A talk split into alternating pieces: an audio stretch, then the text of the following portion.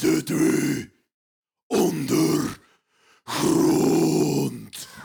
Goedemiddag dames en heren en welkom bij de 15e aflevering van de Ondergrond podcast. Vandaag is het weer een uh, podcast zonder Pieter. We hadden normaal een podcast gepland met Pieter, uh, met een band, maar die is helaas afgezegd. Dus uh, ja, de fans van Pieter zullen weer eens een keer teleurgesteld zijn. Het positieve punt is dat je nog een keer met mij mag doen. ik zit hier nu in de LP in Deinze. Um, en wij spelen vanavond samen met Revel in Flash. ik heb nog een kort interview, een paar vragen uh, voorbereid voor Revel in Flash. Ralph, hello. Hi, nice to meet you. Thank you. Um, I'll do a quick introduction. Revel in Flash is a German death metal band that was formed in 2011.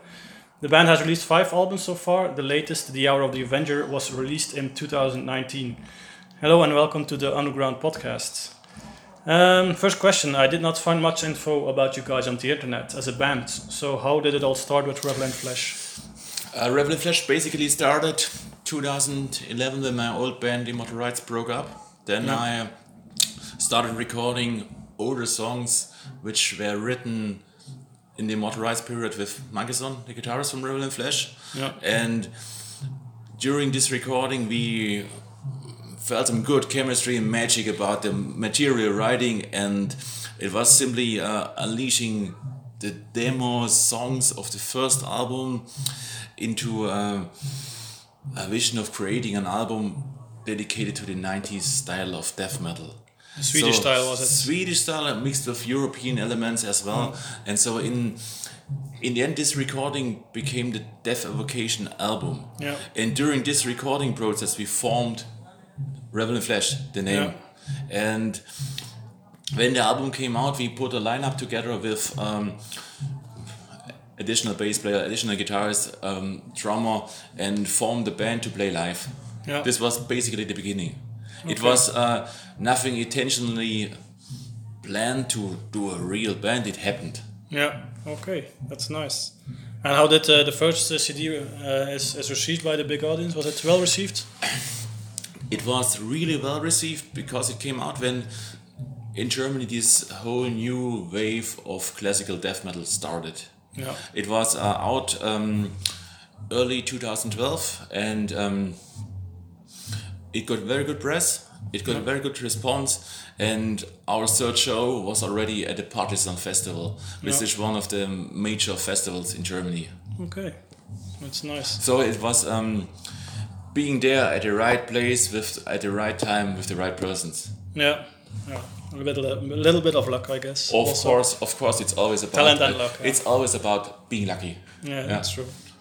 Uh, I saw that you have a, a, stable lineup so far. You only had one lineup change, but the drummer said that you recently have a new bass player. We have um, one drummer change and yeah. one bass player change. So. Yeah, so that's two. But in, the, the, in 11 um, years, so. Yeah, it's a constant formation. So. Yeah. And uh, what is a secret to keep a to keep a steady line because that's that's rare in a, in a, in a bigger band to keep the band players together. So or you don't you have, have a secret to, to to to work on each other, connect with each other, and um, everybody has to be a freak and to love the music and being into it. Yeah. You know it. Uh, being in a, a, small death metal band, you have to really sacrifice a lot of time, spare time. You have troubles at work, getting day off, troubles with your girlfriend, eh, blah blah blah blah blah. So it uh, really takes some dedication to do it. Yeah. And we were blessed that we have all dedicated people into the music. Yeah.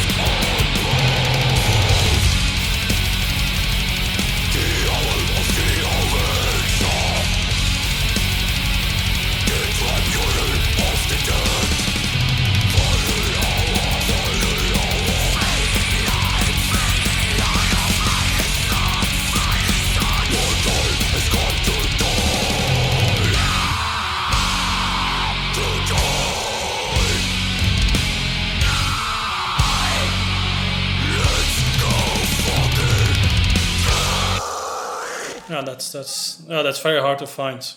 Dedicated people. It's and- and- it's and- it's the same like with the album being there at the right time with the right person. yeah. Well, I, I think always it's like a good marriage. Yeah. A band is like a good marriage Uh, a good marriage, which also you have to manage crisis. So without the sex. yeah. I don't know for you guys. but- um, you have released five CDs so far. What is your favorite album and why? Hard to say I don't have a favorite one because I have a connection with each album of what I have done and what um, kind of timeline and experience I connect with the album. Yeah. But you see, um, the first ones was more like a tribute to the old school death metal thing, and then it developed a sort of own sound and branding. Yeah. So it's all your favorites. You cannot choose one. But if you have to I- choose, I, I don't. I don't. If I have to choose, it might be the third one, Death Kult Legions, because it's the probably most death metal album from us. Everything from the lyrics, from the songs, that are totally into the extreme death metal thing, yeah, of the classical old school vibe. Yeah. The newer albums have a more melodic, catchy kind of vibe. yeah. Yeah. That was one of my questions. Your last album, Hour of the Avenger, is a little bit different for me, for the rest, because yeah, you said it yourself. It is more melodic than other uh, catchy and more melodic. Is it something that came organic while writing, or is it something that you wanted to do purposely on purpose? it came organically um, to have and there's there's not much room for development and exper- experiments when you do this kind of death metal thing it was naturally for us to add some more melodies add more atmosphere but keeping the core to the death metal sound we grew up with Yeah. which is mostly the, the classical old school stuff So what was is one of your favorite uh, bands, old school metal bands? Dismember, Atrocenity, Repulsion, Entombed Nihilist. the um, Swedish, Swedish, Swedish. Swedish, also American, and Yeah. Asphyx, Gorefest. Gorefest is one of my absolute favorite Yeah, Gorefest. bands. Yeah. And um, UK style, Old Paradise Lost, Ball for All, Benediction. Yeah. Yeah. So So, um, during Corona Corona pandemic, what did you do to keep yourself busy? Did you write new material, or did you guys take a break and just enjoyed it? this was a really difficult time because we couldn't meet, couldn't progress on the on the shows because it was not allowed to play. And uh, the problem for us was the the Avenger came out in December 2019, and we played five shows, and then it was bam pandemic. So Yeah. the pandemic crushed the album, and it had a really good flow, press-wise, and also from the response, re- um, feedback from the fans. And yeah, it's my favorite uh, album of you guys. um, yeah. so we we had to go through some sort of crisis to keep it going. Yeah. It's a difficult time, also mentally, and you see that the things you enjoy you can't uh, realize it. Yeah, I know. But and how uh, since the the pandemic uh, stopped, how um, how much how many shows that you play now This is actually the second show we played this year. this year? Uh, last year we played five shows, I think five. Or, yeah, us. And you're a little bit nervous for that because it's a long time. Uh, only your second show. It's Are you the- more the- nervous than the, normal? The only, or? the only thing is that it's um, we had a long distance drive here, like um, seven hours plus breaks plus traffic jam, and you know feel a bit exhausted. So, Yeah. but um, And then you have to do podcasts also. that's no problem, man. um, we are excited to deliver today because it's the second time we play in Belgium. It's uh, honor to play this place, honor to meet you guys Yeah. and there. Thank you very much. What is the other place in Belgium that you played? Can you remember? Was it a festival or was it a small venue? It was a small venue. It was not called Ghent, the city, um, but similar. We played there with Fleshcrawl and another Belgian band or Dutch band. Genk? Was it Genk? Genk, yeah, Genk? it- yep. This Yeah. was like 2018. This show. In yeah. Genk. Oh, Yeah, okay. it was a small place, really. Um, I don't know. Yeah, it's far far away yeah, from me. Like it's two it has, hours a, it has a little, a bit uh, chaotic situation to play the show, but uh, you know, when you come first time to a country, you have to start from zero to play. Yeah. Yeah. So you have to take the people and play a dedicated show for. If there are, it doesn't matter if there are five, if there are ten, or if there are hundreds. You have to be into it to deliver. You have to prove yourself. Of course, Yeah. But you're not not more nervous than usual because uh, of No. because that's the second time now. No. All right. It's okay. Uh, what is your best and your worst show you ever played with Revel in Flesh? best show is always hard to say because you always did the, the moment you realize it. But we played um, some. We were blessed to play some really bigger shows like Summer Breeze Festival, Party.San, Way of Darkness Festival, um, some stuff outside of Germany. You sometimes when you play a show, you realize some moments like a guitar string breaks or you make some mistakes with the vocals or with the forgetting lyrics and stuff but it's live music and you have to um, deal with the faults and deal with the situation it, it, each show makes you stronger a good and a bad one helps Yeah. you to progress Okay. Um, what does the future bring for Evelyn? Um, I have another question. Um, how is the, the death metal scene in Germany? Is it is it okay? Is it still alive? it's a really vital metal scene man metal is really big in germany you have many festivals many uh, club shows many uh, bands it's actually too much to to consume yeah. Okay. I don't know. Yeah. But it's, under normal circumstances circumstances it's close to an overkill yeah. yeah but it's doing really good and we are happy to have a lot of supporters inside germany and Yeah. be part of the scenery and representing um, our kind of death metal to the people. Yeah. Okay. It's uh, the opposite like in Belgium. In Belgium, we don't have a lot of places. It's not. It's But not you know, alive. Yeah. It's, It, it's, that's a, it's, a, it's a lot smaller country, so yeah. We always see the same faces on the same shows, and it's not a, not alive anymore here. So. but, but it's it's you see the dedicated people. It's Yeah, that's true. Uh, you know to have you have in Germany you have the huge commercial metal scene, and when you go more and more underground, you also have situations where you meet the same people spread Mm. over the whole country, traveling to each place. Yeah, that's true. Yeah, okay, that's true. Um, what does the future bring for Revel in Flesh? Do you still have dreams or goals that you want to achieve? hopefully playing those shows announced for this year. You never know when the pandemic comes back or what happens. Yeah, true. It's um, you have to take um, life day by day in the current situation. We hope to play live, meet old friends again, make new friends, and hopefully writing some new songs and coming up with a new album. yeah. Maybe next year. Well, you, you, well, first you have to do the shows for the Hour of the Avenger. That's the the goal now to deliver the touring cycle for this album, which was actually supposed to be played in 2020. So Yeah, okay. Last uh, last question. I always ask the band for two songs. I, I always put like we always put two songs in the in the podcast of the latest album. You have a preference of songs you want to have in the, please podcast? do uh, the title song Yeah, my favorite. and the nihilistic nothingness.